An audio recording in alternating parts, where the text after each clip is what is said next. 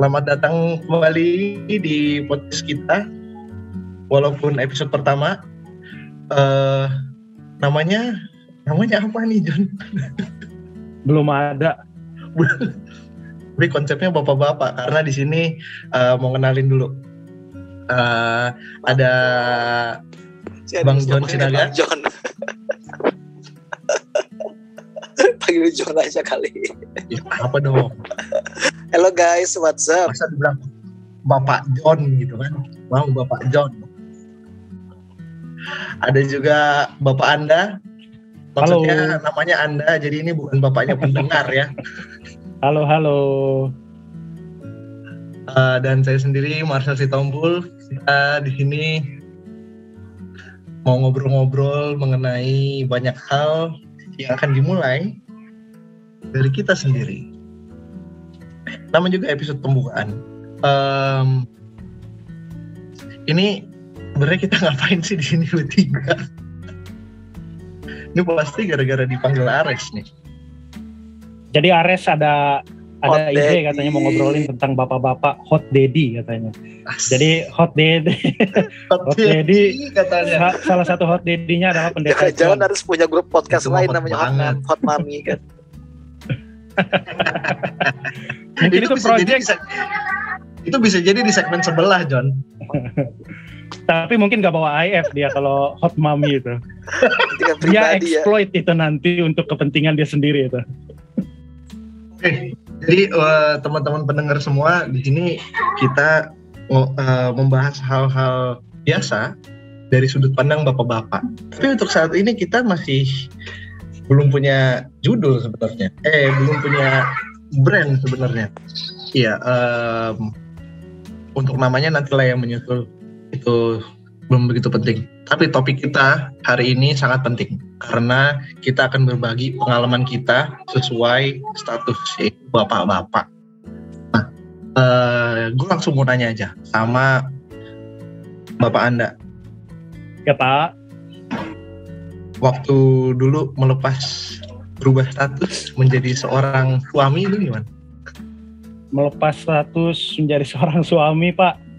Waduh, enam bulan pertama enak, Pak. Karena biasa biasa ya kita kan dulu kan uh, single, tinggal di rumah sendiri, masak sendiri, bangun tidur sendiri. Walaupun musim summer di Manila, kasur terasa dingin, Pak. Tapi sekarang kasur terasa hangat. Ya, hangat lagi ya. Karena penuh, Pak. Ada orang kan. Nah, eh enam bulan pertama istri saya rajin pak masak uh bangun tidur udah ada makanan tuh ulang ka ulang kantor ada makanan pak tapi setelah setelah enam bulan nih pak sebetulnya setelah satu bulan menikah kebetulan istri saya hamil jadi jadi terbalik pak jadi saya yang melayani istri gitu tapi kan tapi enam bulan iya kan enam bulan pertama dia masih rajin setelah dari situ Mungkin karena bawaan ini kali ya Pak ya, bawaan hormon ya, maunya dimanja. Gitu. Jadi Ares nanti kalau punya Ares mah punya belum punya istri, istri memanjakan kok. Siap-siap memanjakan lah. tapi emang tapi emang istri dimanjakan hanya pas hamil aja enggak? Uh, kalau dimanjakan uh, kebetulan gue orangnya nggak romantis ya jadi kalau untuk memanjakan uh, seperti itu Enggak sih kayaknya ya setelah setelah melahirkan sudah cukup lah nanti lagi kalau dari uh, apa Sampai kalau dia hamil. Kasih sayang. Lebih pak kalau kasih sayang bapak. Waduh. kalau kalau Bang John gimana?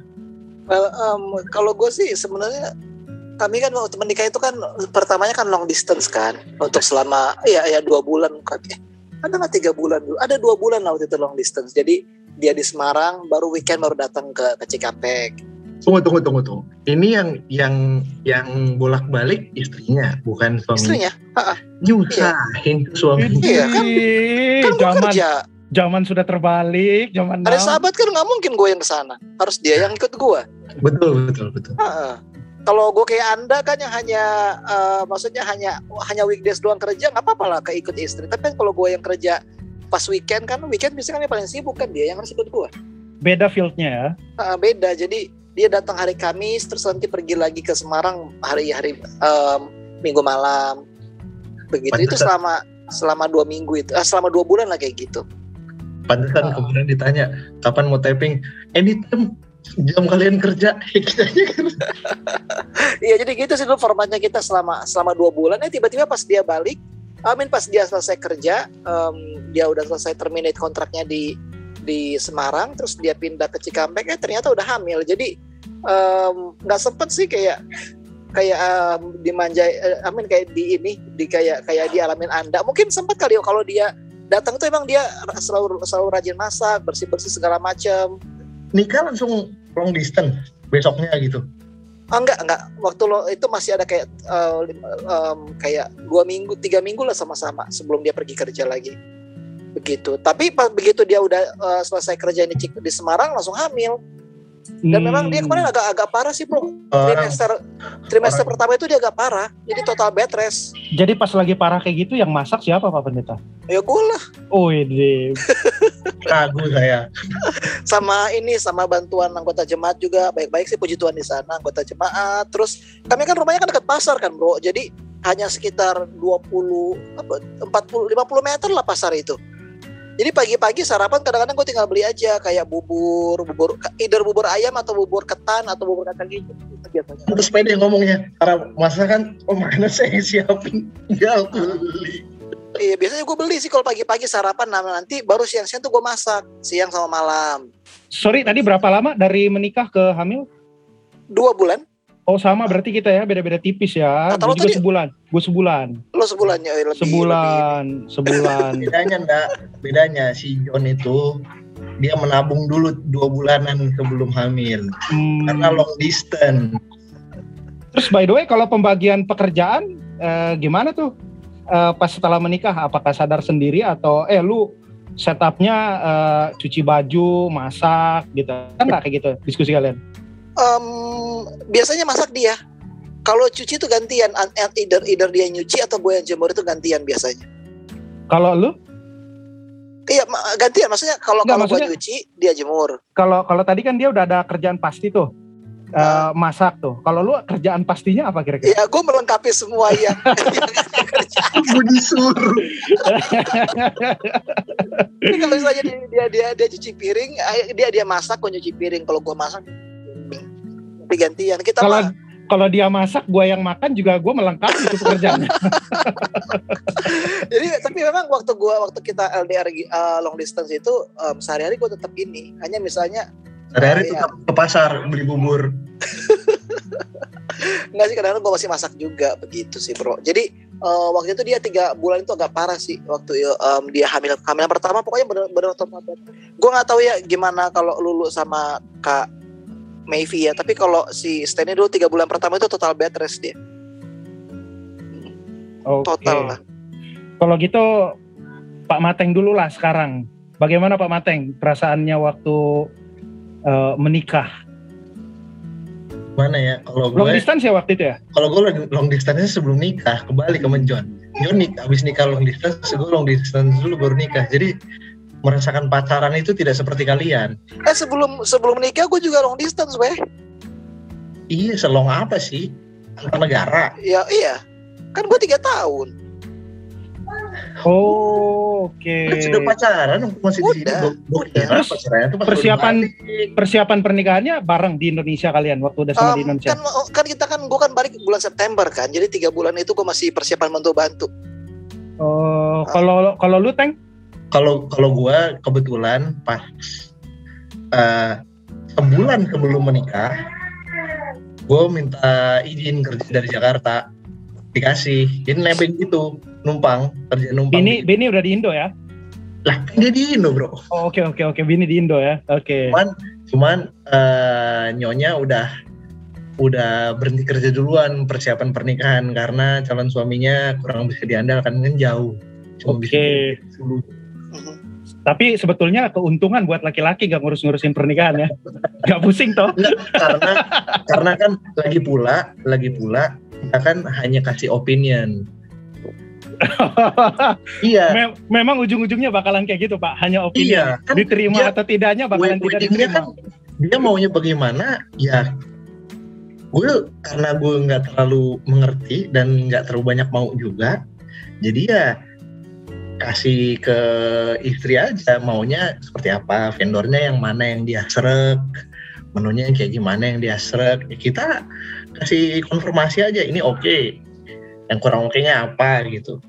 Saat-saat momen-momen waktu persiapan pernikahan itu paling bosan kalian kapan sih?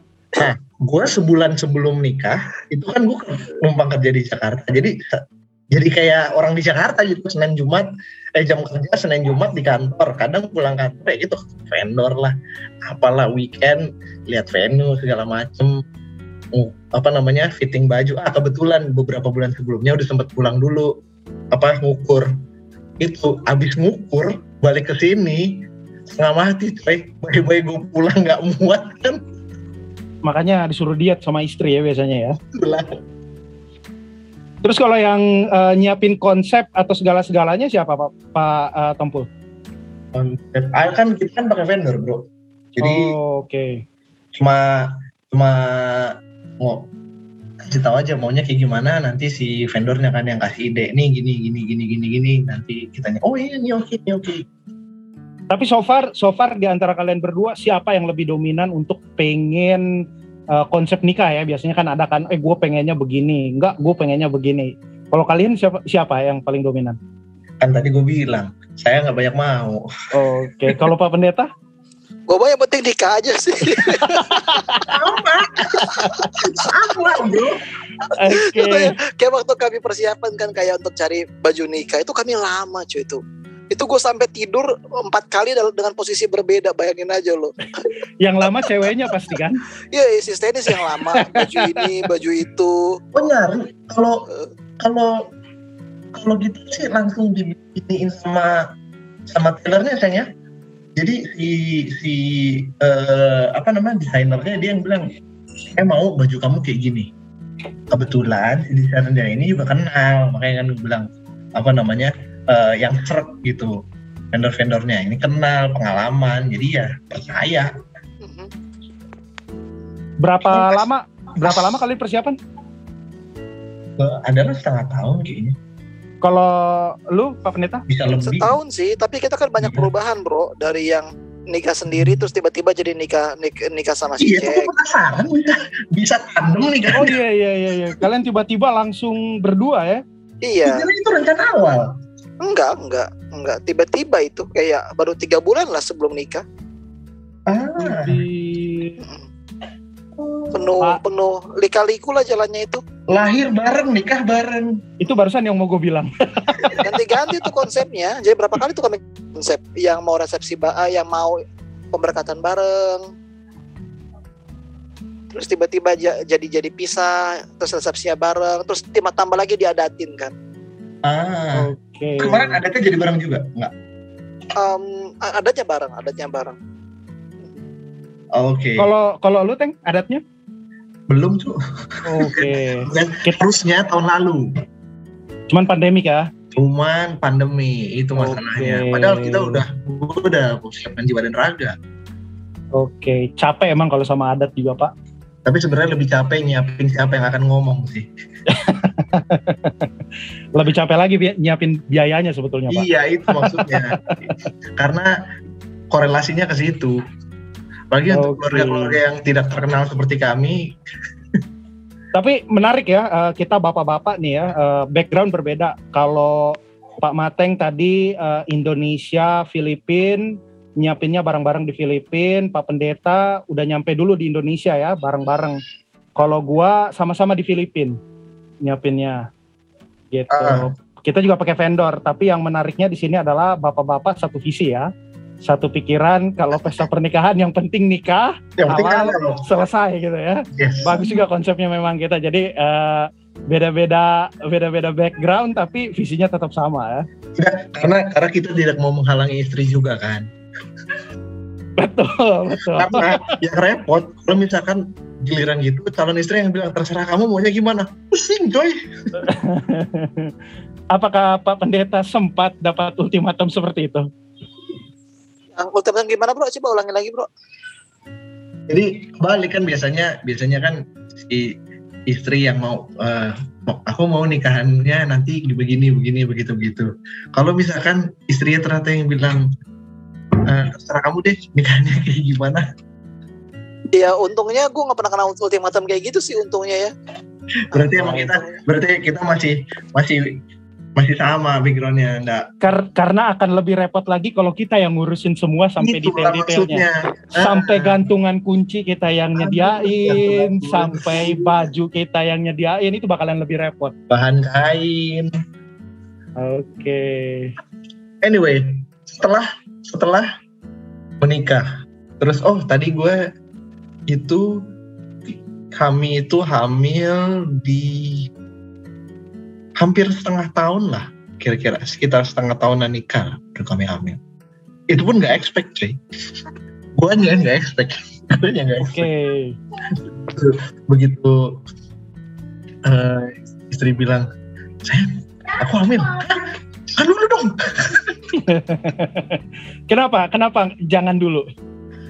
secara secara mental sih gue ngerasa nggak siap ya terus secara itu ngerasa ini pengen pacaran sama istri dulu masa baru enam bulan enam bulan langsung Oke. langsung sibuk nanti sama anak karena kan begitu ada anak pasti langsung beda kan Betul, betul, betul. apalagi Itu begitu hamil aja bro udah beda sih bro. itulah makanya Betul, apalagi betul. hamilnya lain-lain kayak si. John tadi hamil bed rest Kalau Mevi eh, hamilnya lain-lain atau lancar-lancar aja? oh aman. Itu Oke. aman. Pas pas minum Jalan- dia masih jalan-jalan John. Bukan cuma bed nggak bed terus dia. Jalan-jalan. Ada teman-temannya kan di sini yang yang bisa nemenin jalan. Jadi gue kadang sampai rumah mana? Ternyata dia lagi keluar.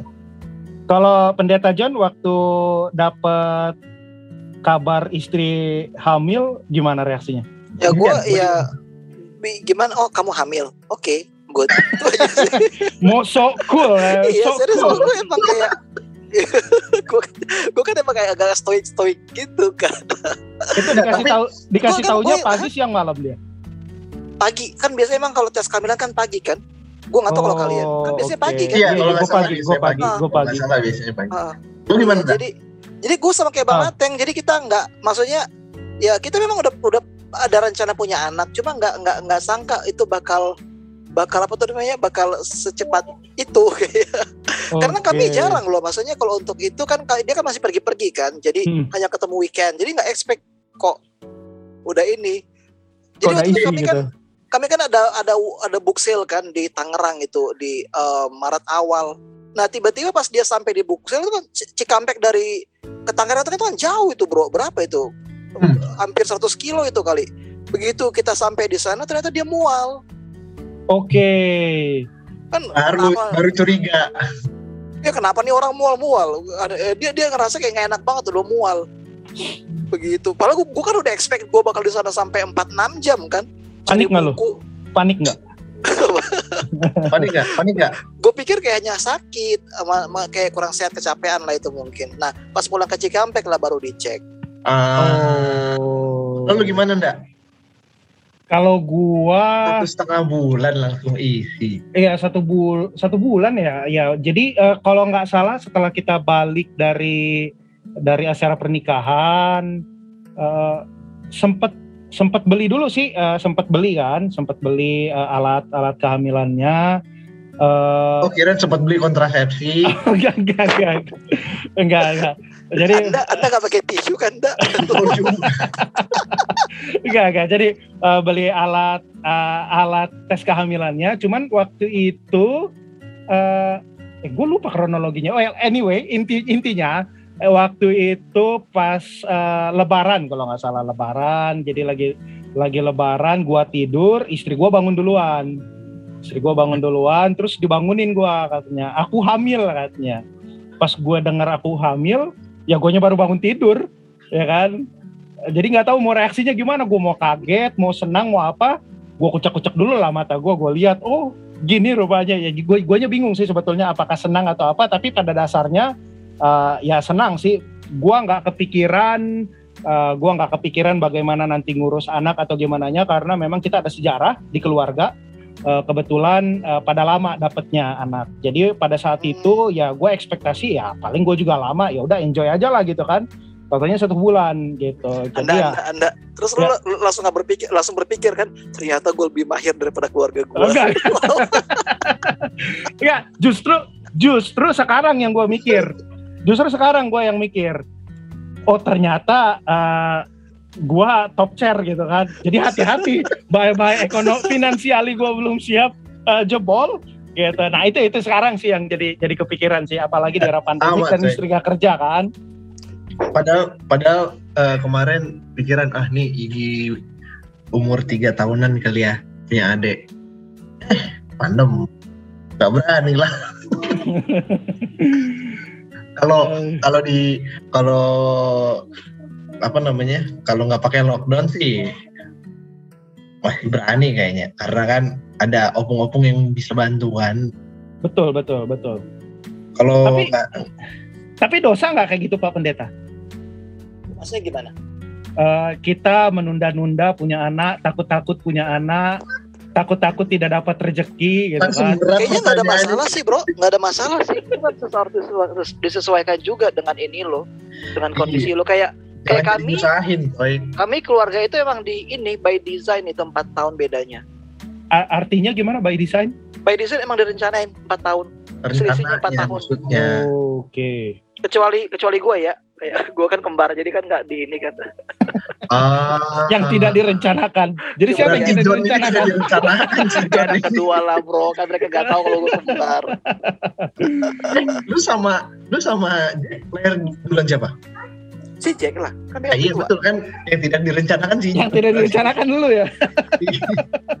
tiba-tiba nongol hai I'm here Terus eh, anyway setelah tahu hamil eh, ada treatment-treatment yang berbeda nggak sama istri kalau kalian? jelas coy karena apalagi anak pertama kan walaupun awalnya gue eh, ngerasa wah nggak siap tapi tetap aja pengen gitu kan menggendong anak sendiri gitu Oh, gue pikir pengen yang lain.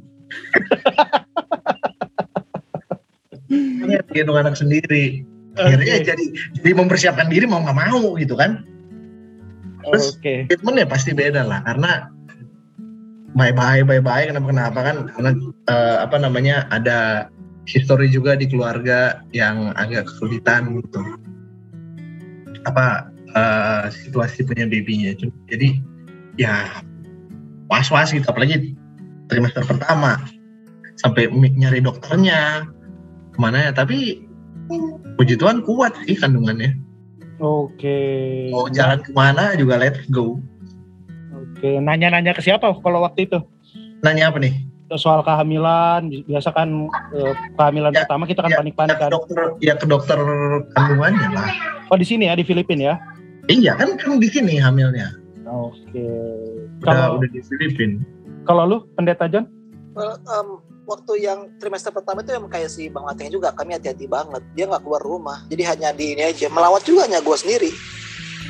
oke Iya, itu saking ininya. Makanan juga dijaga segala macam eh, yang larangannya. Jadi si Steny itu nggak nggak makan cabe sampai sampai sampai lahiran Hmm, ngomong-ngomong cabe sekali. si Mevi waktu hamil jadi nggak kuat pedas cuy Ah, ah, ah, sama sama sih bang. Eh, Dia nggak kuat pedas dia setelah itu. padahal Hmm. sebelumnya gue yang cupu kalau ketemu cabe cuma kan dikit Iya, si Steny juga gitu bang. Sebelum hamil dia kuat banget pedas, tapi setelah hamil itu nggak sama sekali enggak. Baru dia kalau bunuh nyamuk amit-amit, amit-amit, amit-amit. amit amit gitu. A- ada ada treatment yang berbeda nggak istri kalau kan biasa kayak istri tuh ada kayak aduh suami gua bau katanya jadi nggak Oh iya bro, gue dekat-dekat. dulu, gue dulu nggak mau dia di ini. Eh, pokoknya ada sampo dia beli kan, terus gue pakai. Dia nggak suka nyium. Bahkan samponya sampai samponya yang disalahin atau suaminya yang disalahin gue aja. terus berapa kali itu waktu, waktu dia udah agak hamil tua itu setiap kali gue peluk dia, setiap kali gue peluk dia atau kadel aja itu si Tio udah nendang. oh itu udah bulan keberapa dia ngerasa kayak gitu Trimester terakhir lah. Oh. Waktu si Tio nyelat itu setiap kali gue peluk atau gue deketin si Tio tenang dari dalam itu ditendang. Puk. awas lu awas lu Terus dia sempat berapa kali tuh enak sama gua kayak "Ha- tidur tuh harus jauh, kayak ujung-ujung tempat tidur itu harus jauh. oh ngeri juga ya kayak gitu ya. lu gimana enggak Kalau kalau gua eh, pengalamannya agak berbeda lah ya karena eh, berbedanya gimana setelah bulan kedua kalau nggak salah ya bini gua hamil, uh, gua resign dari kantor. Eh, jadi Langsung dengan ya. dengan ekspektasi kepercayaan diri tiga bulan from now saya dapat pekerjaan gitu kan. Jadi tiga bulan dulu rest lah. Memang eh, ada beberapa tawaran dari kantor, eh, dari pekerjaan, cuman eh, kembalilah eh, ada kendala-kendala. Jadi setelah gua resign, alasan saya hamil jadi gitu. Aduh, saya hamil. jadi saya jadi full time inilah, full time suami bersertifikat mengurus istri lah. Alright. Dari dari memasak, dari mencuci, dari membersihkan rumah, memijit, uh, semualah saya yang ngurus. Tapi kebetulan kalau pengalaman buat istri uh, apa yang aneh-aneh nggak ada sih. Cuman uh, yang jadi kendalanya adalah istri rajin banget makannya. Ya Gitu. iyalah, ya. Makanya makannya buat banyak. dua. Makanya Iya. buat dua itu. itu memang Tapi itu kalau memang kayak kalau kayak bau-bau gitu, nggak ada nggak ada eh, cuman dia ngidamnya itu ngidam nasi jadi ada ada ada cerita waktu gua sama istri gua habis nonton lah bareng teman-teman nonton sam- tengah malam lah pulang jam 12 malam nyampe rumah kebetulan dekat kan cuma lima menit doang kan waktu itu kan aduh lapar nih gak ada apa-apaan yang ada nasi nasi dingin tuh Nah, dia makan tuh nasi dingin nah masih dingin di rumah. nasi dingin di rumah dia makan sama telur udah selesai gitu jadi ya nggak repot-repot banget sih untuk Menu andalan jadi itu. Iya betul gitu. Jadi ya uh, so far so far aman sih kalau gua nggak nggak ada yang aneh-aneh. Kalau kalau Mevi waktu itu justru bau nasi dia nggak kuat. Bau nasi ya. Sama Jadi mak- sama, makannya apa? sama bawang putih geprek. Nah, nasi yang dimasak itu kan uapnya ada wanginya kan. Oh oke. Kalau kalau yang masak nasi gue kalau perlu nge- ngegeprek barang apa bawang putih atau kadang jadi ganti jadi bubuk biar gampang. Oke. kalau kalau si Steny dulu waktu lagi hamil itu dia suka banget Baiklin sama Wipol. Baiklin. Mm. jadi lu harus jadi Oh, lu gitu, harus gitu. bersihin rumah terus gitu biar Semangat dia bro ngepel bro hampir tiap hari dulu. Oh iya, bukan Bapak si Steny Pendeta. bukan bukan. Enggak, justru itu gue rasa untuk menghilangkan baunya cincon. Tapi sampo lu nggak dibuang kan sama dia kan? Kan gue nggak suka buang-buang sampo jadi gue pakai terus makanya ditambah emosi kan. Kirain harus sampai samponya si John kayak oh, dia serama gitu kalau mandi bawa, baru bawa sampo gitu ke kamar mandi. Saya habis mandi bawa keluar lagi samponya dari kamar mandi. Oke. Oke next setelah setelah uh, setelah eh, setelah hamil pengalaman pas mau melahirkan tuh. Ah, ini dia nih. Nah, ini biasanya yang paling menegangkan untuk suami. Tapi by the way, eh, kalian nemenin istri di dalam kan? Ah, gua nggak di labor room iya, di delivery room nggak boleh masuk. Oh, gimana ceritanya tuh Pak? Pas sehari sebelum melahirkan. It- itu dia di kantor sore-sore jam 4 kali di telepon. Eh, ini kayaknya udah mau lahiran. Di kantor gado-gado lah ya. Ya, ya deg-degan. Oh masih kerja, Ya, masih kerja. Jam jam kantor, jam Oke. kantor. Duh, nih gimana nih? Udah udah berjam. Gua udah ini belum jam pulang kantor lagi. Terus eh, gimana? Tapi masih masih nggak terlalu berasa katanya. Oh ya udah, udah mungkin lah masih masih karena udah deket jam pulang kantor kayaknya udah deket lah. Karena kan pulang kantor cuma 15 menit nyampe. Eh belum. Waktu itu mau gue masih di Pasai cuy. Setengah jam lah kira-kira pulang. Sampai rumah eh. Terus kita chat ke dokternya. Si dokternya bilang eh, coba aja periksa. Akhirnya kita ke ke Mamsil lah kan ke rumah sakit. Oke. eh waktu itu naik apa ya naik tricycle kalau nggak salah. Dari AW ke Mamsil naik tricycle. Ada polisi tidurnya lagi gue bilang bang bang pelan pelan bang nih perlu di sini. Repot. Ja- jam berapa itu Pak? itu udah jam tujuan lah kira-kira jam Oke. tujuan. Kalau keluar kantor jam 6 jam tujuan kita udah jalan ke arah rumah sakit. Sampai rumah sakit kebetulan untuk apa anak-anak eh, apa namanya untuk eh, melahirkan lantai dua. Gue turun naik tangga biar, Oke. biar biar bukannya cepet eh ternyata baru bukan satu Oke. pulang lagi jam tujuh malam Untung deket ya rumah sakitnya ya. Iya, untuk dekat rumah dekat rumah sakit cuma di balik blok doang. Dari iya cuma di blok sebelah. Terus itu jam tujuan kita akhirnya disuruh pulang. Tapi di rumah kan udah mulai bukan. Jadi kita jam berapa? Mau jam-jam 9 nggak? Jam 10 kita udah tidur lah. Gue pikir ah, istirahat aja lah nih besok bakal repot nih. Oke. Tapi setengah jam coy. Kayak kesian tapi excited gitu. Oke, oke. kan jadi untuk menahan rasa sakitnya harus di share kan rasa sakit itu gue nggak Oke. tahu kalau apakah setimpal rasa sakit yang dibagikan dengan gua tapi remasan itu mau copot kan di remas ini Sampai berbekas ya. bekas dong. Untung udah gunting kuku. Oke. Eh, sampai tengah malam ada kali jam 12 jam 1 gitu. Gue rasa ah ini udah. Udah gak kuat kali nih. Mungkin sudah saatnya. Balik lagi ke rumah sakit. Itu lagi gue suruh naik tangga lagi ke lantai dua. Disuruh pulang lagi. Baru bukan berapa. Empat atau tiga Jadi berapa kali bolak-balik sebelum melahirkan? cuman itu doang habis itu Cuman itu besoknya doang, ya? habis pulang itu besoknya jam-jam jam-jam tujuan apa kalau nggak salah kita udah balik lagi ke rumah sakit udah habis Ada itu, ada exercise sebelum itu Pak? Kayak misalnya senam melahirkan tuh kan ada enggak, tuh. enggak, enggak. Nggak ikut. yang kayak di film-film gitu yang ada suami istri ikutan apa senam hamil Gua gitu. ikut Pak, masalahnya gua ikut itu. gua ikut Pak. itu gimana enggak Jangan yang di film-film memang gua ikut itu Pak. Cuman gua nggak nggak Jadi ya kalau gua di Indo kan, kebetulan di Indo jadi eh, oh kalian hamil di Indo ya ya gua lahiran di Indo karena memang eh, biar ada yang ngurus kan orang tua di Indo kan. Jadi kita pulang Indo.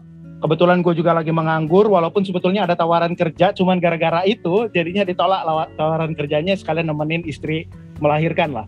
Jadi eh ya gitu, tiga bulan di Indonesia karena ada batas penerbangan eh, maksimum kan, nggak boleh terbang kan. Jadi kita udah di limitnya, baru kita nyampe ya, ya, Indonesia. Ya bini gua eh, inilah aktif lah ikut-ikutin semua yang perlu kan. Ya memang kita dukung juga kan. Jadi kita pergi ke rumah sakit di Indonesia, eh, kita lakukan senam apa? Senam melahirkan. Lucu sih sebetulnya. Jadi eh, jadi kita kita dibawa dibawa ke satu ruangan. Sorry, eh, ibu-ibunya duluan. Semua ibu-ibu kan, jadi bapaknya nggak boleh masuk kan, nanti kelihatan kan.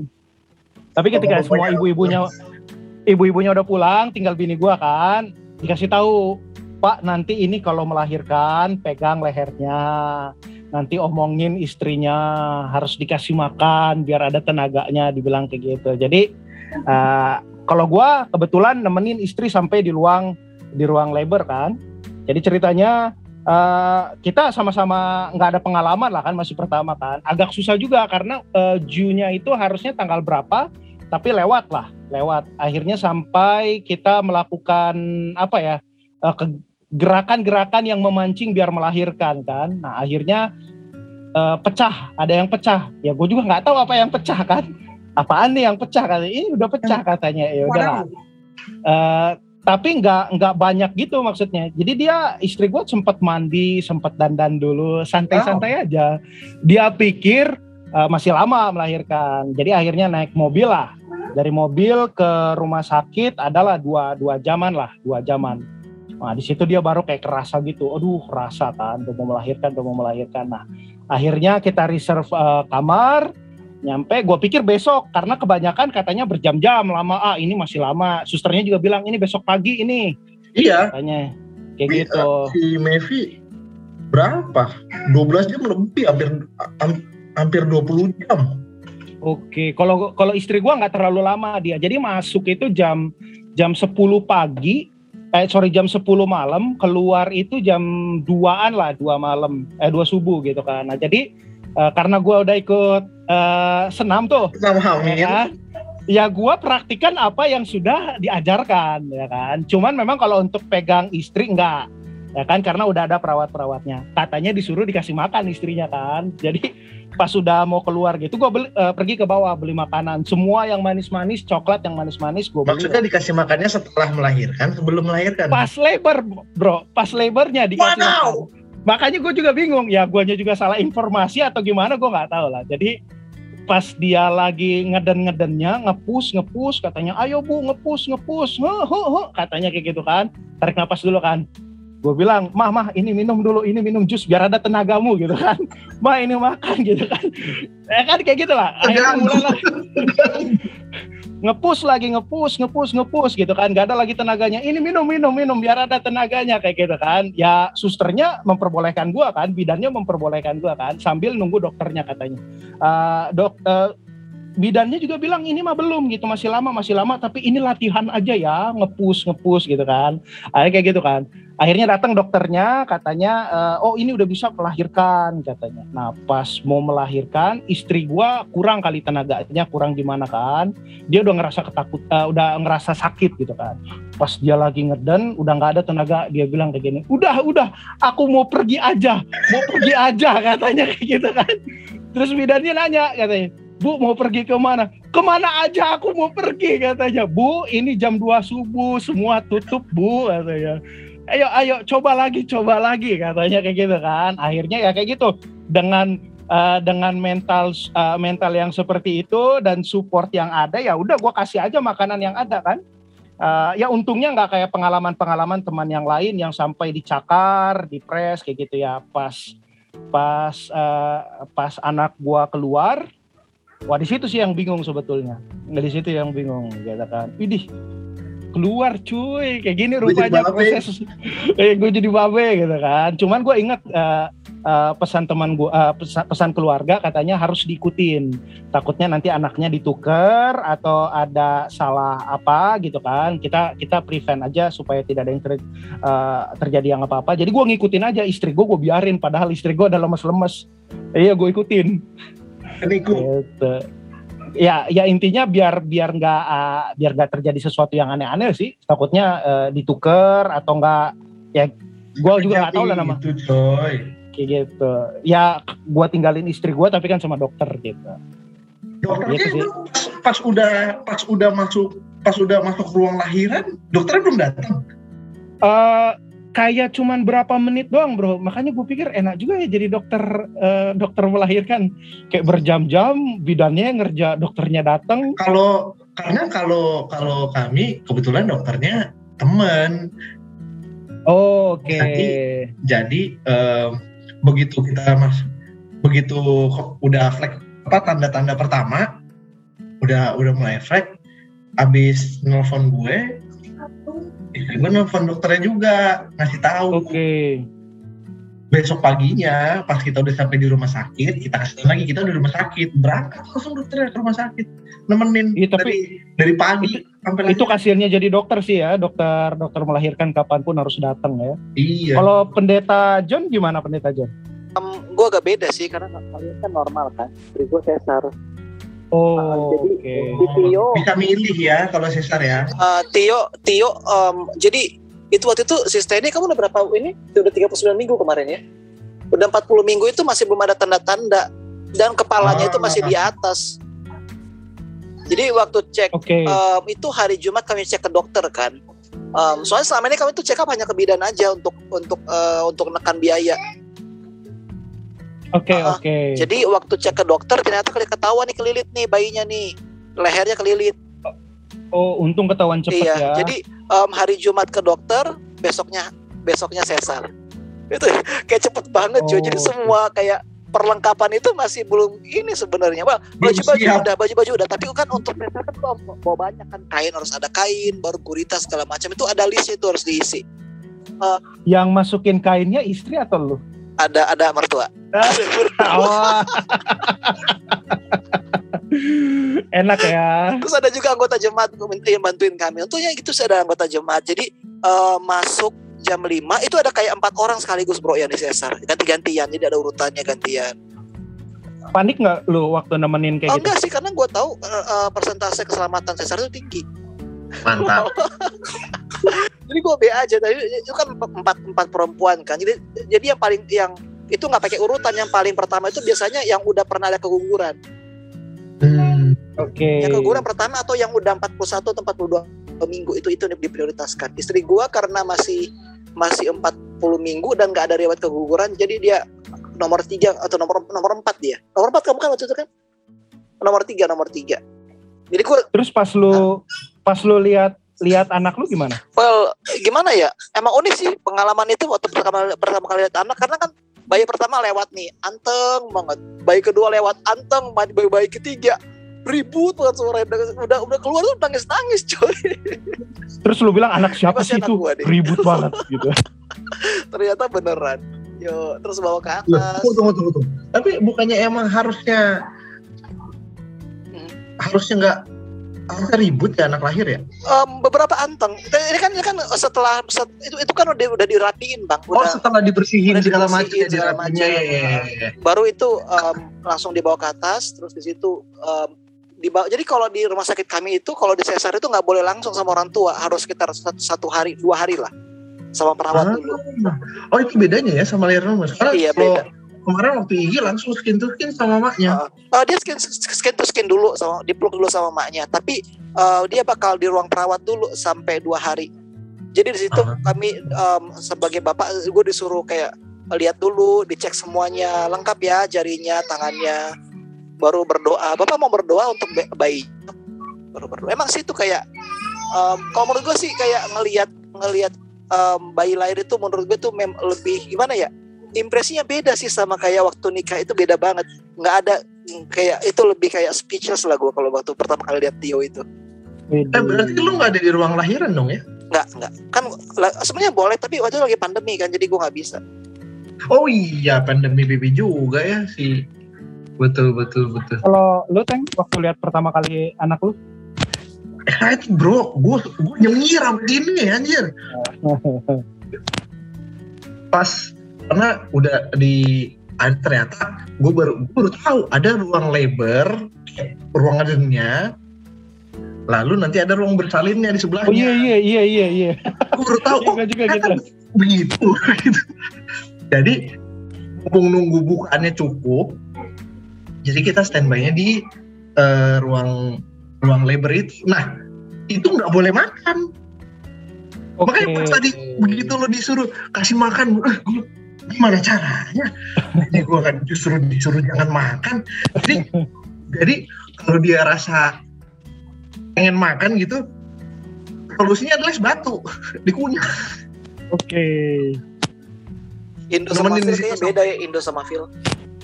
Iya.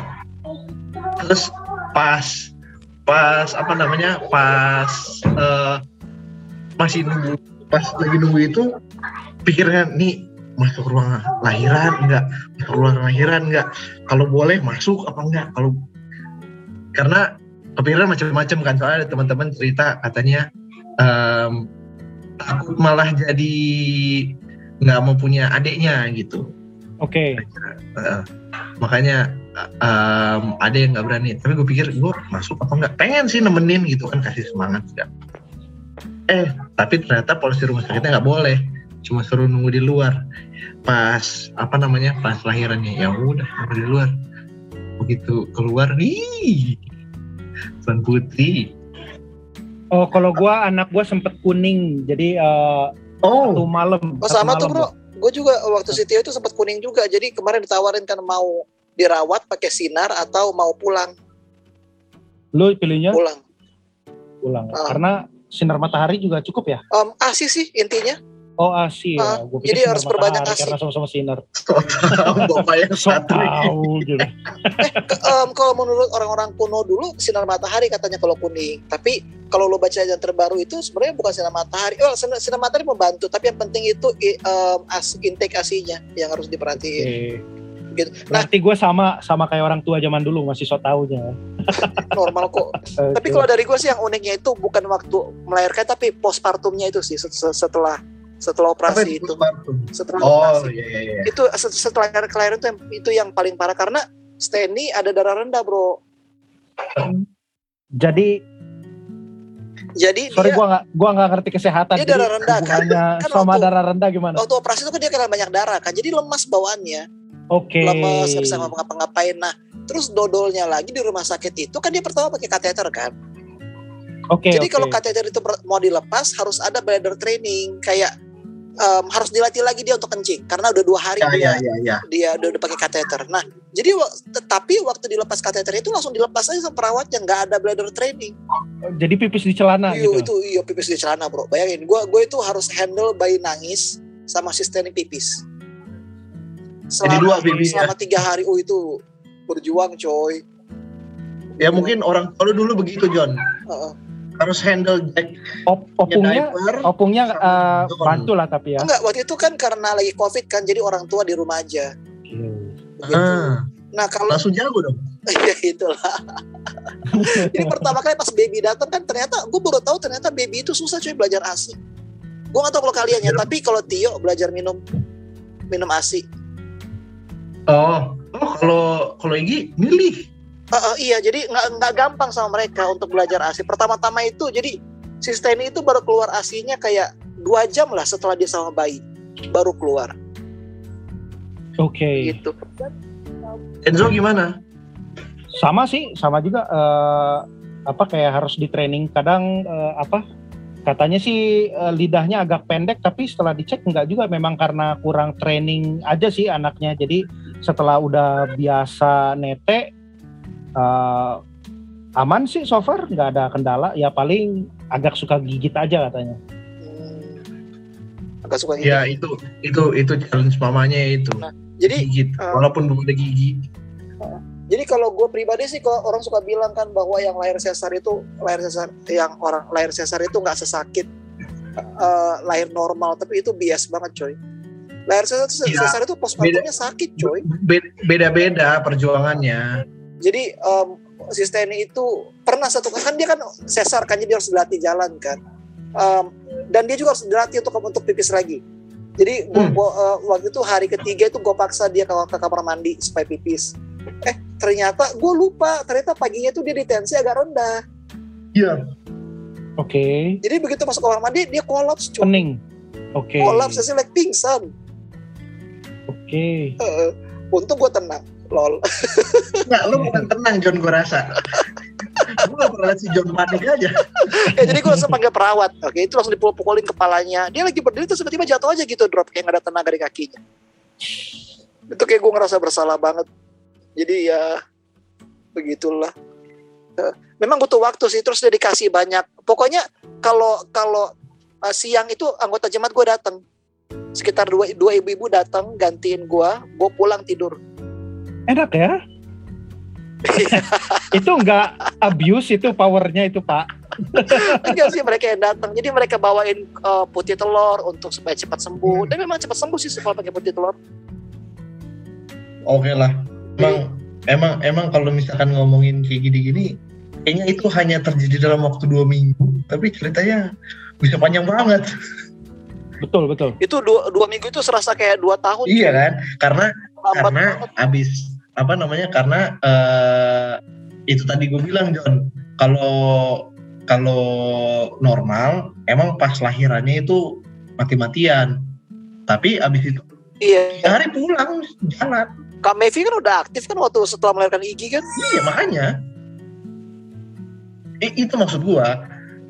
Pas pas lahir tapi pas lagi apa namanya nunggu lukanya tutup itu tuh yang agak ribet Iya gak ribet. kalau si kalau istri lu kan lu bilang pipisnya nggak bisa ditahan kalau si Mavis susah justru pipis Oh iya. lah lu cair Ya, dia, kan pipisnya pipisnya nggak ditahan kan karena pakai kateter itu. Jadi ke mana-mana. Mm, mm, mm. Lol. anyway ini ngomong-ngomong kalau misalkan kalau misalkan kayak kayak gini masih masih alkitabiah nggak sih kita punya kehidupan ya, rasanya Apa apa? kayak udah gak pusingin gitu lagi pas apalagi pas, pas mau lahir cuma cuma cuma inget berdoa doang cuy. Nggak nggak ada mikir-mikir lain. Kayak kan kan apa namanya pas pas uh, mau punya anak baca-baca Alkitab gitu. Jadi rajin baca Alkitab. Lo gitu juga nggak ada habis begitu mulai hamil. Ternyata tidak juga. Ya begitulah. Nah, kau berjalan dengan Tuhan nggak nak setelah anakmu lahir nak? Lebih dekat dengan ada dengan Tuhan. Eh, kayaknya masih sama-sama aja ya. sekuler-sekuler aja tapi eh, yang uniknya ya paling eh, karena saya tahu saya tidak religius saya tidak mau anak saya seperti saya gitu ya. Jadi ya Nah, sudah ya, dibaca ya, ya, ya. dibaca-bacain lah apa eh, cerita-cerita tapi yang anehnya setiap kali baca cerita Alkitab buat anak-anak ini kayaknya nyindir gua deh semuanya gitu. Ini kayaknya nasihat bukan buat anak gua deh ini buat gua deh gitu. Iya jadi ya jadi ya parenting itu bukan one way ya jadi eh, two door way ya Eh, kita eh, bukan hanya mendidik anak tapi mendidik diri kita juga. Cuman yang gua agak herankan itu setiap kali baca buku cerita Alkitab ya itu kata-katanya kadang agak eh, agak mengganggu juga ya.